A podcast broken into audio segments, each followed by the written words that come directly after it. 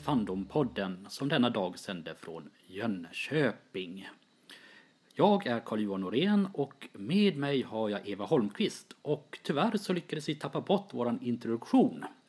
Men så därför pratar jag lite här nu innan vi kommer igång att prata om Klubb Kosmos, brev från Kosmos och novelltidskrifter. Vi hoppas att det blir ett trevligt avsnitt ändå. Trevlig lyssning!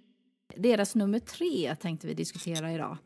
Men innan vi går in på de själva novellerna så tänkte vi prata lite grann om Klubb Kosmos och bakgrunden till Brev från Kosmos. Ja, eh, för två år sedan var det väl ungefär så började några inom Klubb Kosmos som är den äldsta fortfarande aktiva science fiction-föreningen i Sverige. De startade redan 1954 av bland annat Gabriel Zetterborg och några till.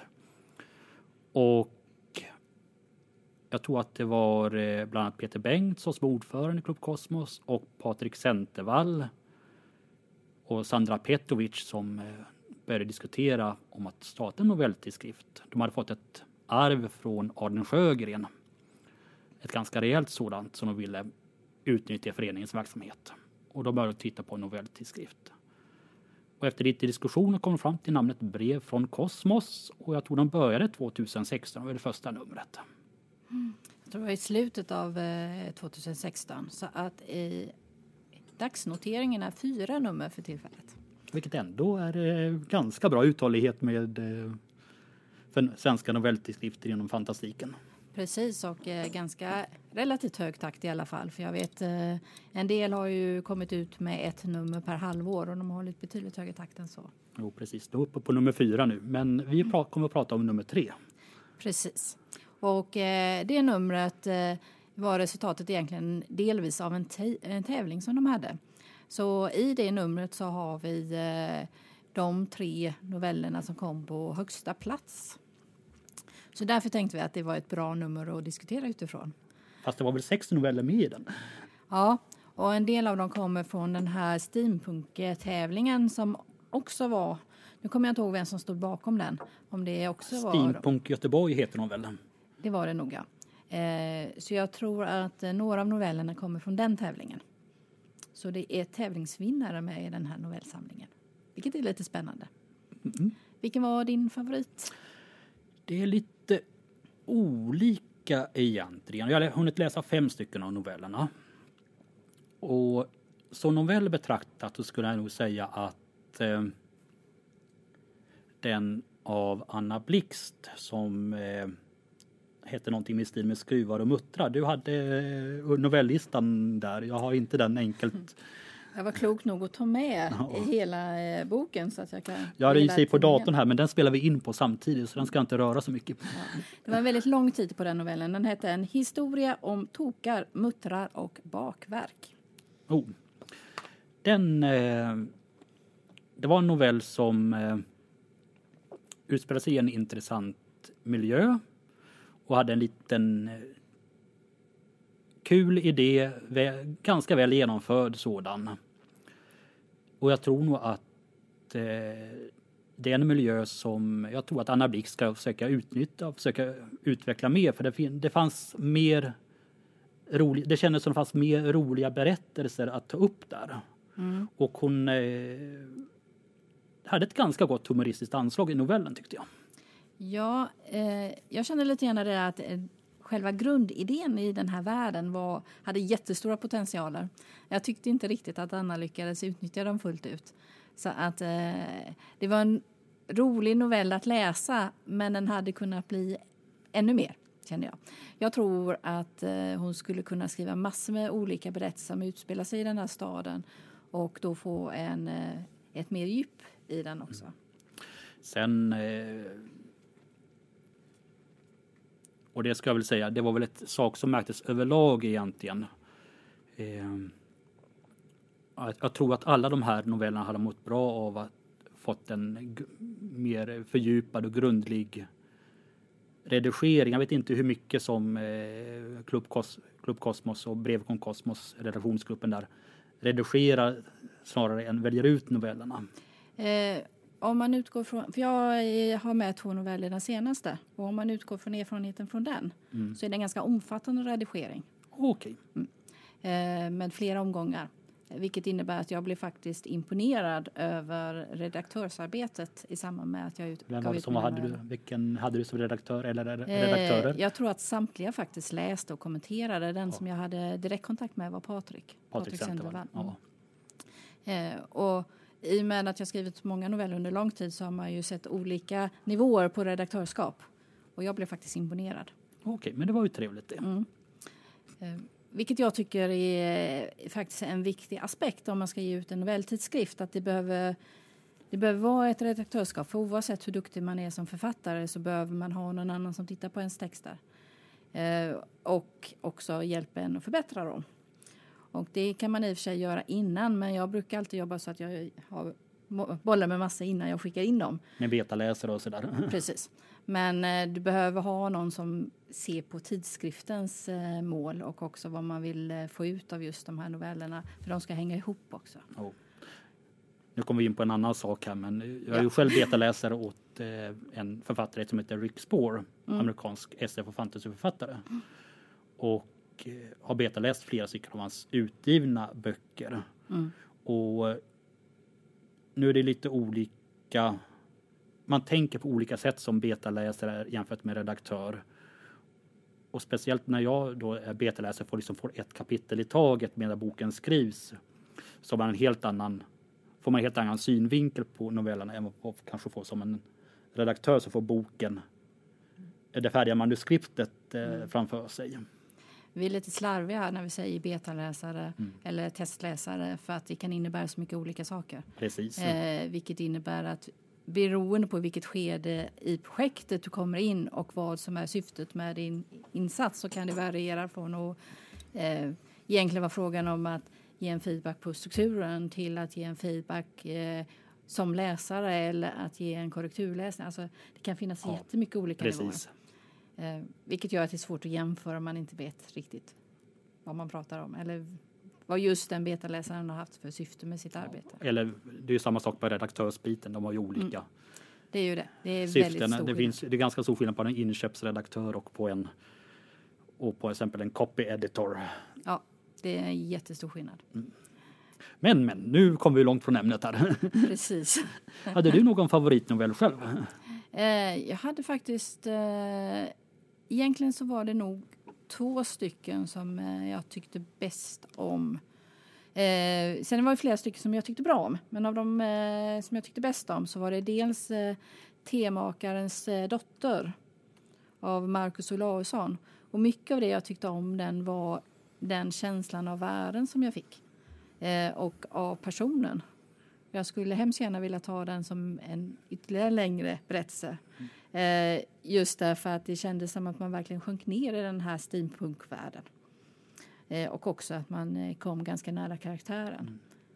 Eh, vilket gjorde att den berörde mig på mer än vad den här andra med den långa titeln gjorde. Med urverken och muttrarna. Med urverken och muttrarna. ja. Själv så, jag fick också lite grann samma intryck av eh, temakarens dotter. Det var inledningen till en, ans, en ansats till en bra karaktärsskildring. Och det var skisser till en intressant värld. Jag fick liksom lite Babels torn och eh, eh, eller för den delen eh, eh, Mikael Wiehes Keops pyramid. Eh, den den Mm. gamla sången, den känsla i världsbygget med det här tornet. Samtidigt så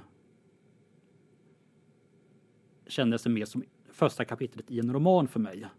Det var ett, ett antal händelser som kom efter varandra som utmynnade i någonting.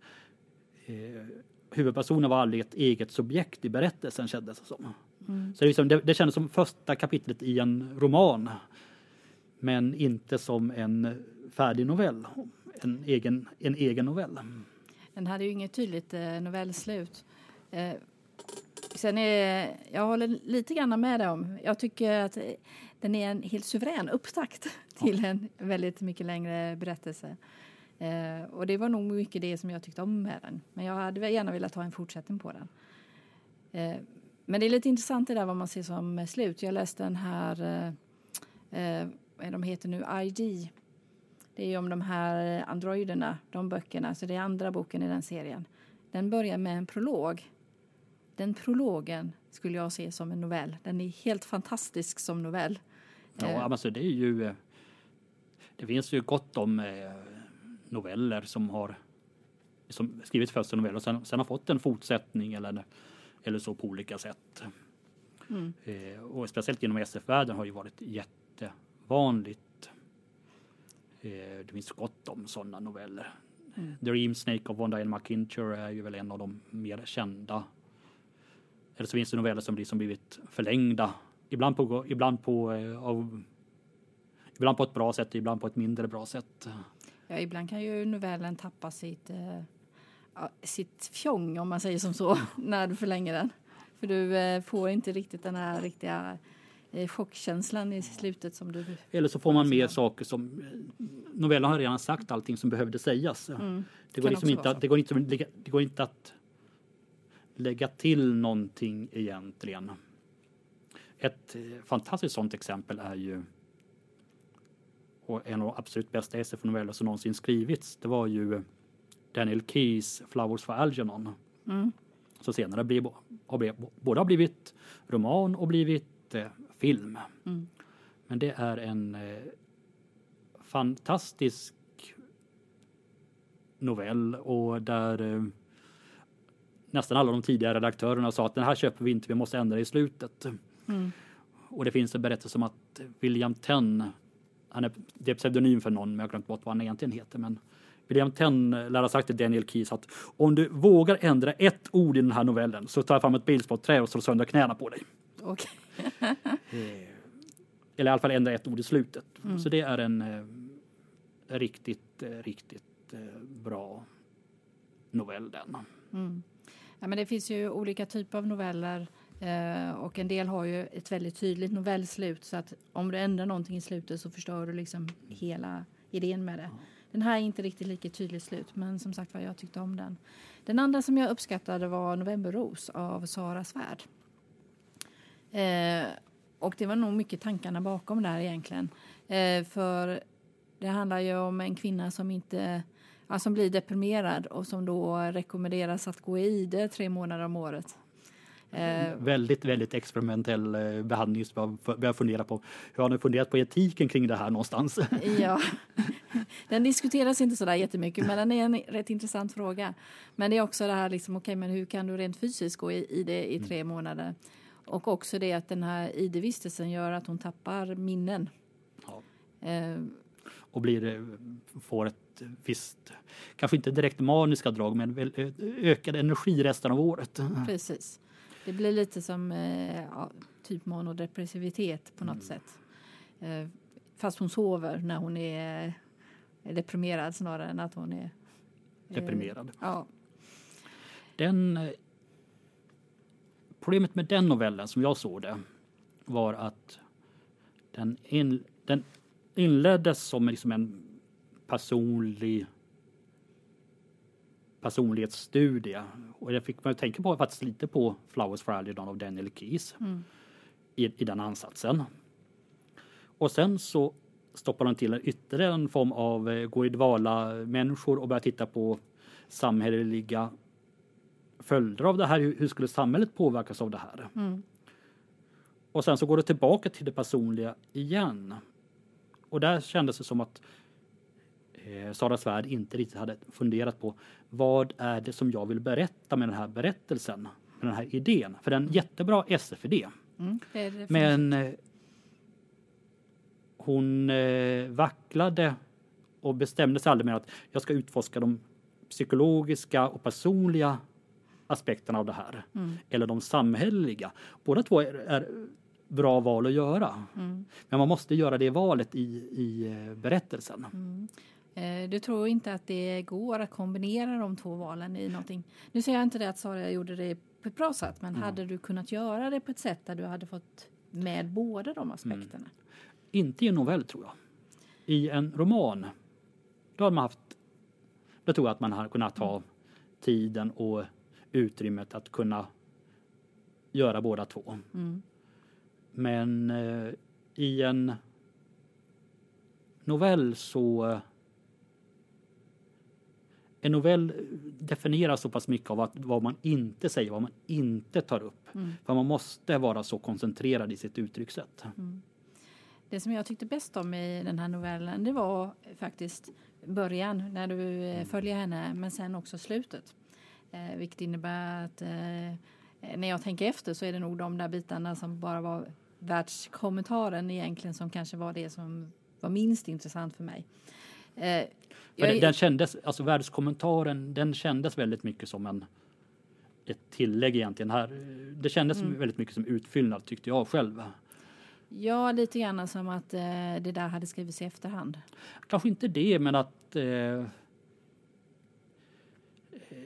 jag vet inte ifall det skrevs i efterhand eller Lite en annan stil. ja, lite, lite en annan stil. Och, men jag tror alltså det kanske är det att hon, eh, Sara, började skriva om på ett sätt och började fundera på att men vad innebär det här på olika sätt och Mm. hur ska jag försöka kombinera det här med vad som händer huvudpersonen. Mm. Och, eh, och, men där tror jag att en redaktör borde ha kunnat säga att den här, det här mittenpartiet här, det fungerar inte med resten av novellen. Mm. Så fundera på att skriva om det på ett annat sätt så att det hela tiden handlar om huvudpersonen och hennes resa. Mm. Ja, för egentligen det som verkligen stannade kvar med novellen är ju slutet. Och nu ska jag inte förstöra slutet för de av er som inte har läst den. Eh, men det var verkligen ett slut som resonerade. Eh, och jag tror att det... Har man ett så bra slut då behöver man få resten av novellen att lira med det slutet. Hade det varit så att ja, men den här mittdelen hade varit det som verkligen var intressant och att den hade slutat med någonting som var liksom resonerar på samma sätt. Ja, men då kanske det är den delen du skulle utveckla istället. Precis. Men då har vi pratat om två av mina favoriter och en av dina favoriter. Hade du någon ytterligare som du känner du skulle vilja diskutera? Mm, nu hade jag väl inte sådär... äh, Nu har jag läst så pass mycket och på så pass länge så att jag, jag har lätt att bli lite överkritisk mot eh, vad jag läser ibland.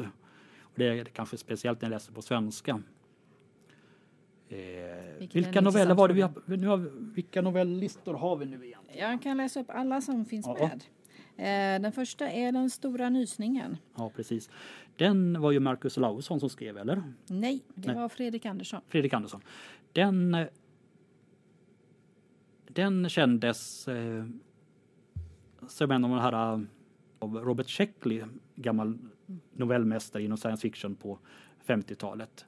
Han skrev ofta, jag vill säga, jag vet inte vad absurdistiska är rätt ord. Han skrev humoristiska noveller där han tog upp något element inom, mänsk, inom mänskliga varat och tittade på och gjorde något väldigt absurt av det hela på ett väldigt bra sätt. Där liksom han kopplade in absurditeten med, med det konkret eh, fysiska och det vardagliga. Han kopplade ihop det på ett väldigt, väldigt bra sätt. Mm.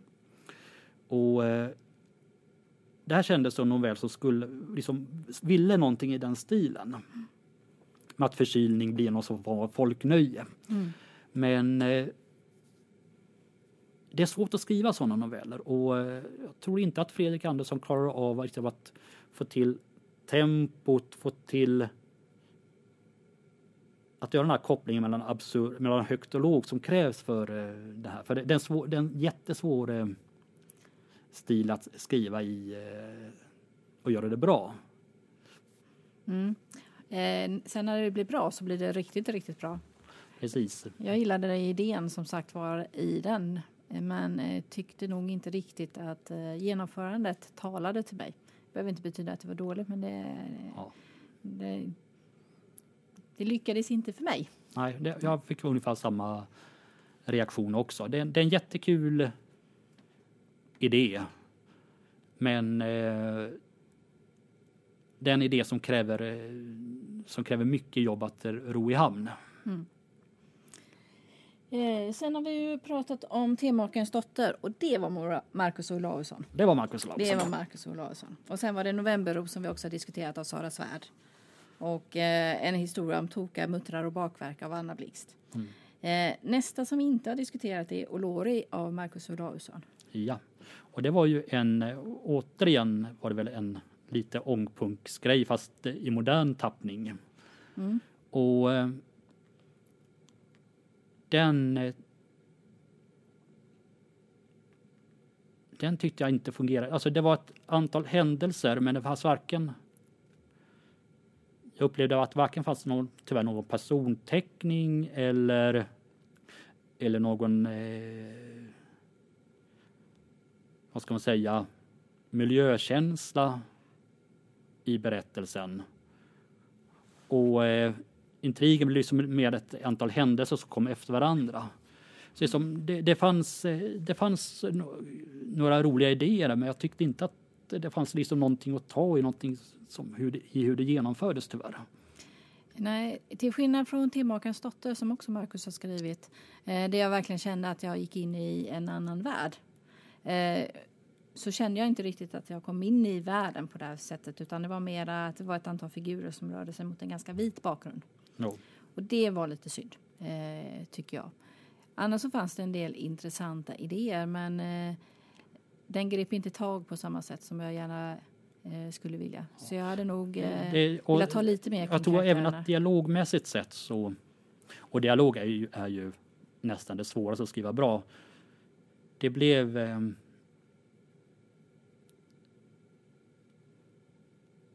vi hade ett gäng, vi hade huvudpersonerna, en morfar och hans eh, dotterdotter.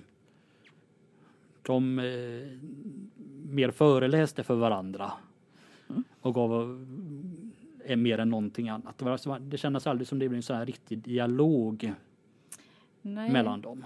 Det, lite gärna kändes det som att det fanns ett budskap bakom texten som fick ta överhanden. Oh. Eh, alltså att man väldigt gärna vill eh, förmedla någonting och då blir det nästan lite predikande ton. Det fanns lite gärna i, eh, av den kategorin kände ja. jag i den. Så Timmakas dotter tyckte jag betydligt bättre om. Den hade ju också en del samhällskommentarer i sig men inte så predikande. Nej, och det, där var det... Sen hade det i sig mindre dialog mm. överhuvudtaget. Och i praktiken bara en huvudperson till skillnad från Ja, så det är en helt eh, annan typ som, av som, som, Olori som hade, som hade en berättare men i praktiken två huvudpersoner som interagerar mm. med varandra. Så det, där blir det ju en ganska stor skillnad i hur man gör det. Ja, det var helt olika typer av berättelser. Men eh, den sista då, som du inte har läst, det är ju Sten mot sten av Oskar Källner. Eh. Oskar har jag faktiskt inte läst någonting av. Jag har funderat på att köpa hans eh, eh, häst, eh, flygande hästbok till Hulda. Ja, Stormvinge. Stormvinge. Mm. Men det har inte blivit av. Jag tycker du borde läsa hans noveller. Eh, han är ju en av dem som eh, har gett ut väldigt många riktigt, riktigt bra noveller. Och eh, jag skulle nog säga att han är en av de eh, stora science fiction novellförfattarna i Sverige idag av de nya författarna. Så du borde definitivt läsa Jo, då, Oscar. han är med på listan någonstans. ja. Eh, sen den här novellen har jag läst, dels eh, har jag provläst den. Som sagt var, jag provläser och betaläser mm. också en hel del. Och eh, dels så läste jag den nu i eh, eh tidskriften. Och eh, det är en bra novell. skickligt genomförd och med en kul tanke.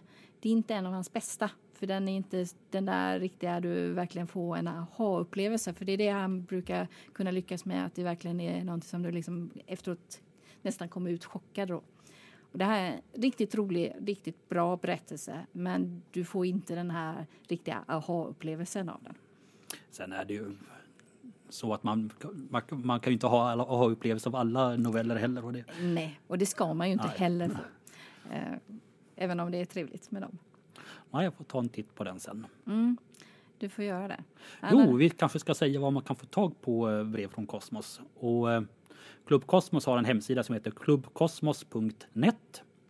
Inga krusiduller där utan bara Klubb Kosmos som ett ord. Och där har de då länkat in sin novelltidskrift Brev från Kosmos. Och man kan hämta den som e-pub eller som pdf tror jag där. Mm, Så det är eh, gratis att hämta. Så det finns ingen, inget anledning, inget skäl till att inte läsa tidskriften. Nej, eh, jag har inte läst alla nummer än. Men jag har ju läst eh, en del av dem och eh, jag tycker de gör ett riktigt bra jobb. Faktiskt. Och överhuvudtaget så är det roligt med att det kommer en novelltidskrift också. Jo, det har inte varit så där jättemånga och speciellt nu när, speciellt sådana som är öppna som instegsförfattare och som eh, även villiga att ta ett visst redaktionellt ansvar. För det, det tror jag nästan är jätteviktigt att de gör det som novelltidskrifter. Mm. Det behöver man ju göra så att man, eh, man har en eh, redaktion som faktiskt mm. gör ett redaktörsarbete. Men eh, jag vet när jag började skriva noveller då fanns det i stort sett ingen novelltidskrift som tog emot ej tidigare publicerade författare. Och det var då när, ungefär? Det är i början av 2000-talet. Okay. Mm. Så det är ju ett tag sedan, så det har hänt en uh, del. Då det var det väl Mitronia som kom ut lite grann, men det var, det var inte mycket och det var, en ganska, det var inte en sådär jätteambitiös tidskrift. Sen fanns ju Rickard mm. Berg, hon med Minotauren. Mm. Jag vet inte ifall han, han höll nog fortfarande på det. Han var ju mer ambitiös, men det var ju mm. mycket skräckorienterat. Ja, och inte så mycket SF. Eh, sen många, du hade Kjell Wern som gav ut några nummer i samband med magasinet ja. men det var ju den har ju varit nedlagd för vet inte hur många gånger i ordningen. Den har varit nedlagd massor med gånger och sen kommit tillbaka. Och de var också ganska inriktade på etablerade författare. Ja, och översättningar. Jag tror att eh, han plockade av det som han hade mm. tillgång till Samje. Sen höll ju i sig John Henry fortfarande på med Nova då, har för mm. mig. Eller gjorde han det? Det, var, väl just, det var ju, just det, när han startade upp en för andra gången. Ja. Nej men så att eh, det gjorde ju det att det fanns liksom inget, egentligen inget ställe där du kunde komma ut med dina noveller och få en redaktörs, eh, hjälp med redaktörsarbete. För det är klart att eh, man tar hjälp av varandra och man, eh, eh jag känner ju många som är duktiga författare som kan hjälpas åt och så vidare. Men i och med att det inte finns, fanns någon marknad då så eh, hade du inget redaktörsarbete och då hade du inget sätt att nå ut med dina Nej. texter. Det ändrade sig egentligen för min del när eh, Affront började ge ut sin Maskinblodsserie. De har jag faktiskt inte läst. Jag vet att jag såg, eh, även jag mest tolkade dem som eh, ångpunksbiten åt det hållet, men de kanske har lite Alltså bredare. det är inte bara ångpunk, en del eh, ångpunksnoveller. Det var rätt blandade i dem där. Eh, så att det brukade vara några stycken kanske var ångpunk, andra var mer renodlade science fiction och några var mer renodlade fantasy faktiskt. Men han gav ut eh, Maskinblod, Maskinblod 2, Maskinblod 3, Kärlek i maskinernas tid och sen gav han ut en engelsk antologi som heter Waiting for the machines to fall asleep. Mm. Och eh, jag skulle nog säga att i de här första maskinblodstidningarna, det var då de här eh, författarna dök upp som nu är de som faktiskt är ganska tongivande inom eh, science fiction-noveller i Sverige. Så jag tror det arbetet var väldigt, väldigt viktigt för att få tag på de här författarna som faktiskt skrev science fiction-noveller och som tycker det är roligt och eh, ge en möjlighet för dem att växa. Och lite möjlighet att utveckla sig också. Precis. För det är ju så att ju mer man skriver desto bättre blir det. Oh. Så det är, och då behövs det finnas ett forum för där du kan möta en publik. Och även kan få hjälp att utveckla ditt skrivande. Ja, precis. Så du behöver båda de delarna. Så där tycker jag att eh, Affront med Peter Öberg gjorde ett ganska gediget arbete som var värdefullt. Sen har det ju dykt upp mera för du, Kataya ger ju ut eh, antologier och eh, kvaliteten på deras antologier har ju ökat. Jag var med i den senaste nu och då var det ett omfattande redaktörsarbete. Eh, utifrån vad jag har hört andra säga, så den första, så var det inte det. Eh, så där har man ju också utvecklat kring hur, hur man arbetar med sina antologier. Eh, du har ju också Swedish Zombie som eh, har gett ut riktigt, riktigt bra antologier med Jonny Berg som redaktör. Oh det är egentligen en intressant eh, utveckling med hela novell och kortskriveriet, hur, hur, vad som har hänt här de senaste 10-15 åren. I och med att eh, det ser man åtminstone inte, inte annat på fanfic-sidan. För det, det, är också en, en en form av skrivande. Som de har börjat eh, verkligen har börjat formera sig och liksom bilda sin egen gemenskap. På samma sätt som vi upplever att ni SF och fantas fantastikförfattare i Sverige har lite en e egen gemenskap också. Ja, och det gäller både de som är utgivna på stora förlag och Ja. de av oss som eh, har getts ut på små förlag. Och är egenutgivna. Mm. Eh, och där har du ju alltså du har en väldigt stor gemenskap eh, där du pratar med varandra och utbyter erfarenheter och hjälper varandra på olika sätt. Så att eh, det det gör ju också det att du får hjälp att utveckla sig med att det finns så många runt omkring dig som har nått olika långt på Ja, utvecklingssteget. precis. Och det, samtidigt är det ju Alltså det är ju en eh, på sätt och vis ett växthus eller en kuvös. Samtidigt så kan det bli en Och det märktes ju i till exempel i eh, science fiction fandom, alltså när kom, science fiction kom upp på 30-40-talet att science fiction fandom var en plantskola för nya författare och sådär. Mm. Och att, men samtidigt så märktes det att det, det krävdes hela tiden nytillskott i form av idéer utifrån att man kunde lämna, lämna så här de ramarna som sattes upp av kuvösen eller, plan, eller av eh, växthuset. Mm. Och det, det, ibland var inte så det var inte alltid en lätt process att eh, när det började komma förändringar och nya tankar heller. Jag vet inte ifall det har märkt sig men inom SF-fandom har, har man ju liksom funnits de här regelbundna striderna.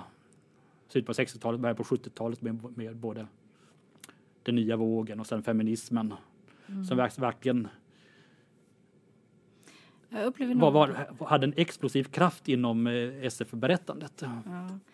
Eh, jag upplever nog att situationen nu är annorlunda. Ja. Eh, lite grann därför att det inte är en sluten kuvös.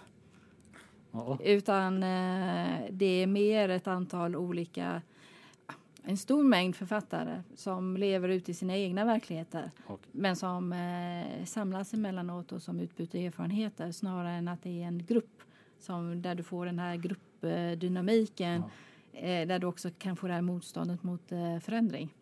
Oh. Eh, så det är inte riktigt samma situation, nej. tror jag Nej, inte. Man får utan- se hur det, hur det, hur det blir att utveckla sig. Ja. Och sådär. Alltså det, det finns ju både fördelar och nackdelar med liksom den här starka gruppkänslan. Ja, det finns det ju alltid. Ja. Eh, något som eh, jag tycker är lite synd om vi ska prata liksom om inställning. För det finns ju inom Fandom så finns det en eh, grupp som tycker att all svensk science fiction är dåligt. Eh, så att man läser inte svensk science fiction Ja. överhuvudtaget. Jo.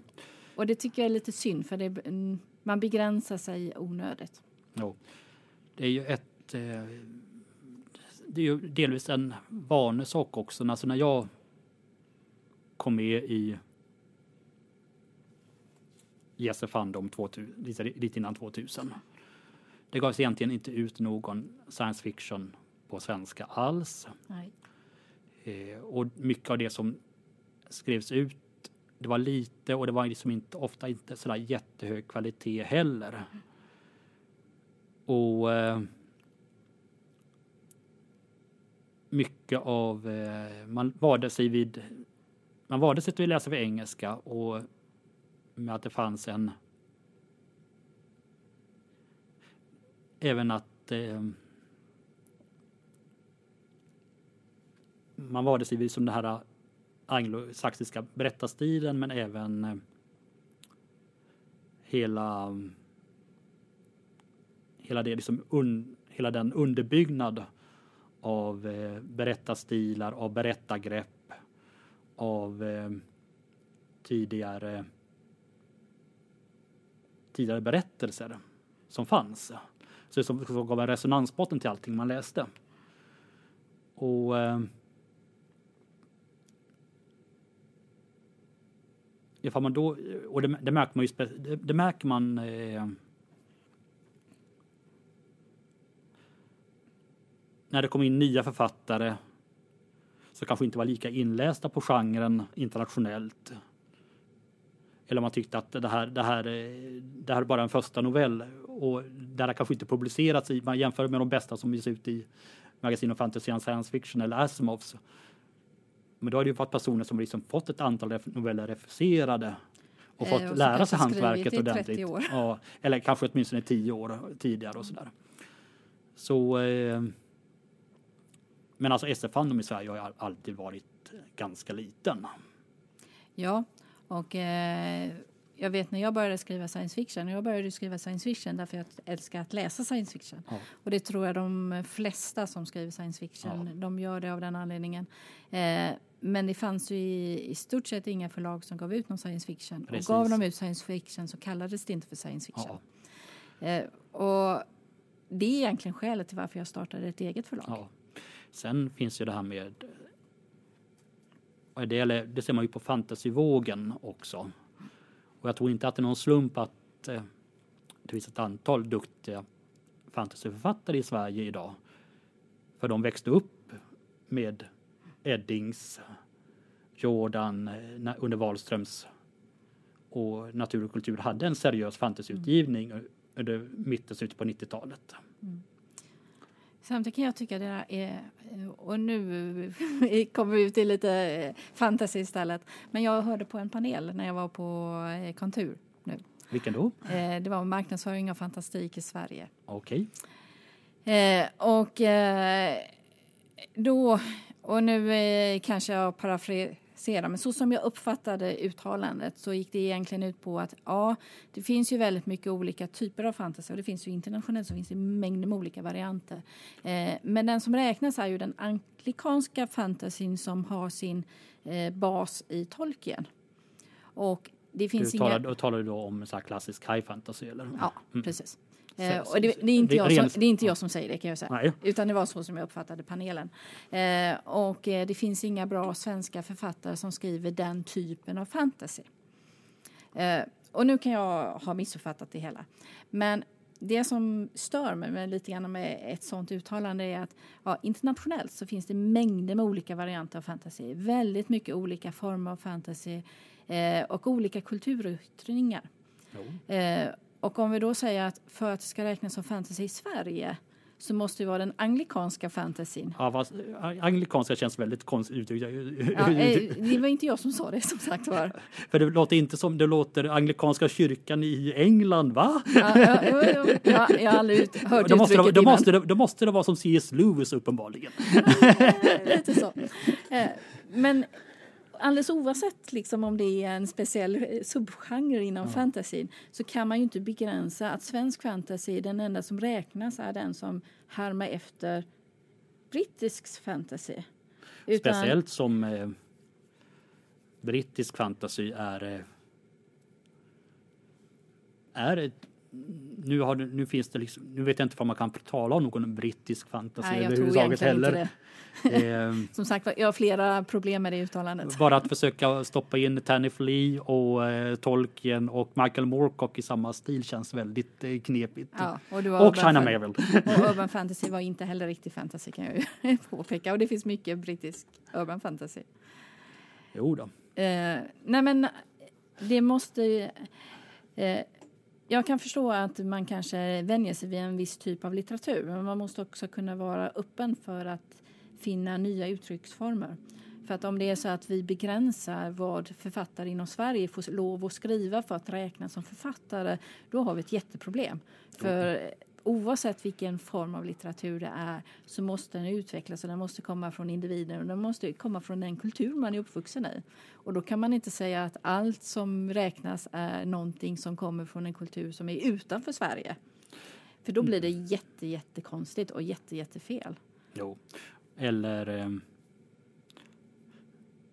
eh, så hur man eh, nu behöver vi närma oss slutet här men det är ju ändå frågan om hur man bygger upp sina genrer och då, då menar jag då genre i den i hur man bygger en kanal, alltså upparbetade kanaler från författare till förlag till läsare. Där man berättar att det här är en bok av den här typen och är det, är det, alltså, det är därför jag ser mainstream som en egen genre i sig. Mm. Fast den, den behöver inte låtsas om det. Det är dess, det är dess stora privilegium. Ja. Eh, och eh, det... Eh,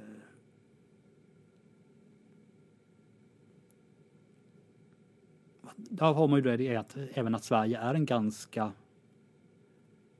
liten marknad och eh, förlagen har liksom blivit större och liksom eh, blivit mer speciell. Blivit, eh, de har inte riktigt samma tålamod med spretiga saker längre eller sådär. Nej, och det, det kan jag i och för sig ha viss förståelse men de är också väldigt väldigt snäva i vad de ger ut för typ av litteratur. Jo då. Alltså att, eh, och fantasy och science fiction står inte högt på eh, de stora förlagens eh, lista. Mycket kan jag tänka mig på grund av att de tror att det inte finns någon marknad för det i Sverige. Sen så, det finns ändå en... Det finns ändå en... Eh, vad gäller fantasy så gjordes ju en ganska stor... Eh, Wahlström hade ju faktiskt en stor och framgångsrik, och det var även mm. natur och kultur. Men det byggde ju väldigt mycket på att de hade duktiga redaktörer. Mm. Jag vet inte vad som hände på Wahlströms, men i fallet med natur och kultur så var det väl det att Jörgen Pettersen slutade, gick pension mm. och då fanns det ingen som kunde hålla uppe deras fantasutgivning och de hade ingen som liksom så de kunde nyanställa som, som kunde hålla den vid liv och i akt. Sådär. Mm. Så det är väldigt mycket Så på så vis blir det, ju, blir det en känslig verksamhet för liksom det kommer aldrig vara att den här utgivningen av fantasy eller science fiction kommer aldrig vara så här kassasko, någon kassako för ett förlag. Men Nej. det kan väl liksom vara en, en, liksom en uh, hyfsad uh, inkomstbringande syssla ändå som man kan göra. Men de kraven har, den utgivningen har man minskat på i väldigt mm. hög grad. Man har ju det och det är väl lite grann också det där att det är den marknad man känner har man lättare att sälja till. Precis. Vilket innebär att man har etablerade kanaler för deckare och kokböcker och vad det nu är för någonting. Och man har inte det för fantasy och science fiction för det har aldrig varit den stora utgivningen Nej, i Sverige. Men då undantag för en bit på 70-talet men då var det ändå relativt små förlag som gav ut det. Ja. Och det blev aldrig någon så här superstor försäljning. Nej. Och det, det, det är ju ytterligare en sak som har hänt där. Det är ju att biblioteken har blivit mycket mer restriktiva med vad de köper in. Delvis ja. på grund av minskade anslag från kommunernas sida. Delvis därför. Eh, sen så är det ju egentligen också att BTJ har blivit restriktiva med vad de recenserar. Vilket och. innebär att biblioteken inte alltid vet om vad som kommer ut.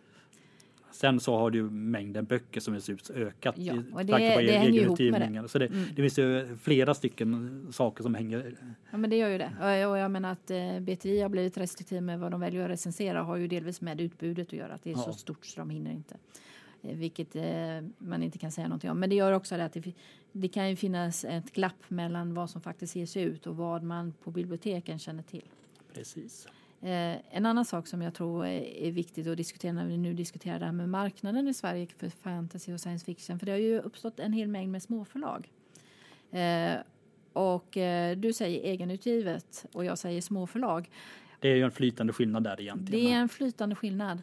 Det som man nog ska vara medveten om att för de flesta av dem som faktiskt är förlag, alltså som har ett mm. förlagsnamn, Eh, då är det inte så att författaren skriver och sen ger ut det själv utan man hyr in tjänsterna. Ja. Eh, och eh, det som påverkar storleken handlar mer om hur många författare tar man in, alltså hur många böcker som man ger ut. Ja. Eh, så att man ska ju se det här med alla de här småförlagen handlar egentligen om att det finns ett klapp i marknaden. Det finns ingen som ger ut fantasy och science fiction ja. på en regelbunden basen och då dyker upp med de här. Vilket är en utveckling jag tycker är positiv för det gör ju också att utbudet växer. Ja. Eh, och i och med att det kvalitetsnivån eh, har ökat och att man eh, faktiskt köper in tjänster, typ redaktörskap, ja. man köper in layout och allt sånt där. Så är kvaliteten på många av de här som är utgivna på små förlag riktigt, riktigt bra. Jo, alltså det är... Eh,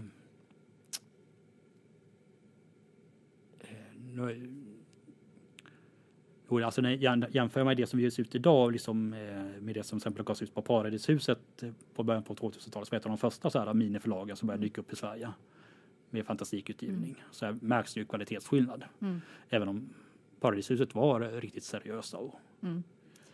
och det är väl det att det sker ju en utveckling för det också. Ja. För jag vet när jag började höra talas om egen utveckling eller egen utgivning då var det väldigt många som eh, eh, framförallt i USA skrev ihop någonting och så slängde upp det på Amazon och så försökte sälja då. Och det förekom i stort sett inte för du har ingen chans att sälja i det läget. Nej. Men vi har pratat både noveller och vi har pratat eh, marknaden för science fiction och fantasy. Eh, jag tror att tiden börjar rinna iväg från oss så mm. att vi behöver dra ihop det. Och eh, vi ska tack för att du var här idag Carl-Johan. Ja, så får vi ses till hösten. Det får vi göra för nu tar vi ett sommaruppehåll. I alla fall här i Jönköping. Jo, vi önskar er alla en glad och trevlig och eh, solig och badig sommar. Med mycket science fiction och fantasy-litteratur. Ha det bra. Hej då.